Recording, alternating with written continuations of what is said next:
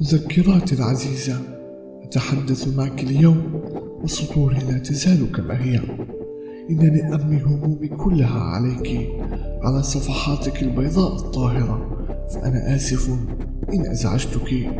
اليوم بدأ مع استيقاظي بشجار آخر.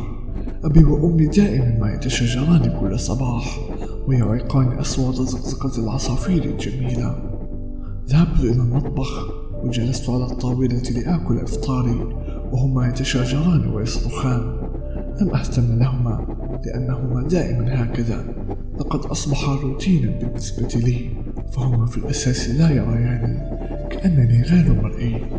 ارتديت ملابسي وذهبت إلى الجحيم التي تسمى المدرسة.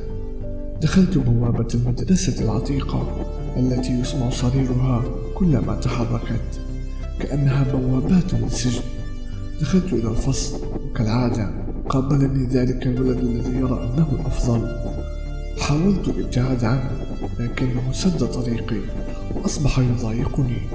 أنا لم أرفع رأسي له ولكنه دفعني إلى الأرض وأوقعني. وبدأ شجار بيننا. جاء المعلم وأبعدنا عن بعضنا وأرسلنا إلى غرفة المدير. هناك المدير قام بتوبيخنا واستدعى أولياء أمورنا. أتى والدي وعلى وجهه ملامح غضب كبيرة. المدير قد قلب الطاولة لصالح ذلك الولد لأن والده ذو منصب عال ولا يتجرأ على البوح بالحقيقة حتى لا يفقد منصبه في المدرسة. وقد تم فصلي من المدرسة. عدت إلى البيت مع أبي وعلامات الغضب قد ازدادت. كنت أعلم ما سيحدث لي. حاولت التبرير أنني على حق ولكنه أسكتني. عدنا للبيت. فجرني أبي إلى غرفتي وبدأ يضربني ضربا موضحا. لم يكن هناك أي رحمة في عينيه. وأمي بقت ساكنة ولم تفعل شيئا.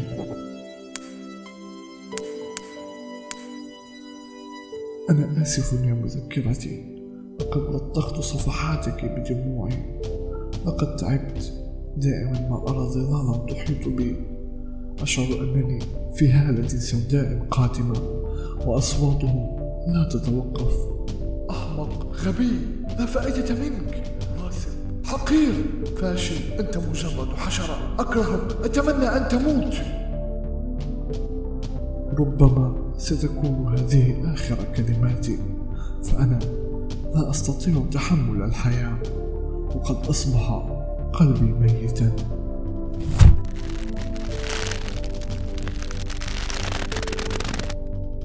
الاكتئاب ليس لعبة. كلنا مررنا بالاكتئاب وكلها بسبب التنمر ومشاكل العائلة وضغوطات الحياة.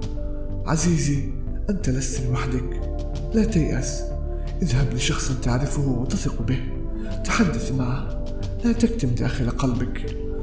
هذا الشخص دائما على وجهه ابتسامة ولكن خلف هذه الابتسامة قلب ميت. اذهب لطبيب نفسي لا تخف. ولا تهتم لنظرة المجتمع. عن الذهاب للطبيب النفسي فالطبيب سيكون صديقك وسوف يسمعك فوظيفته هو الاستماع والإنصات. صحتك النفسية بعض المرات تكون أهم من الجسدية. فاعتني بها جيدا.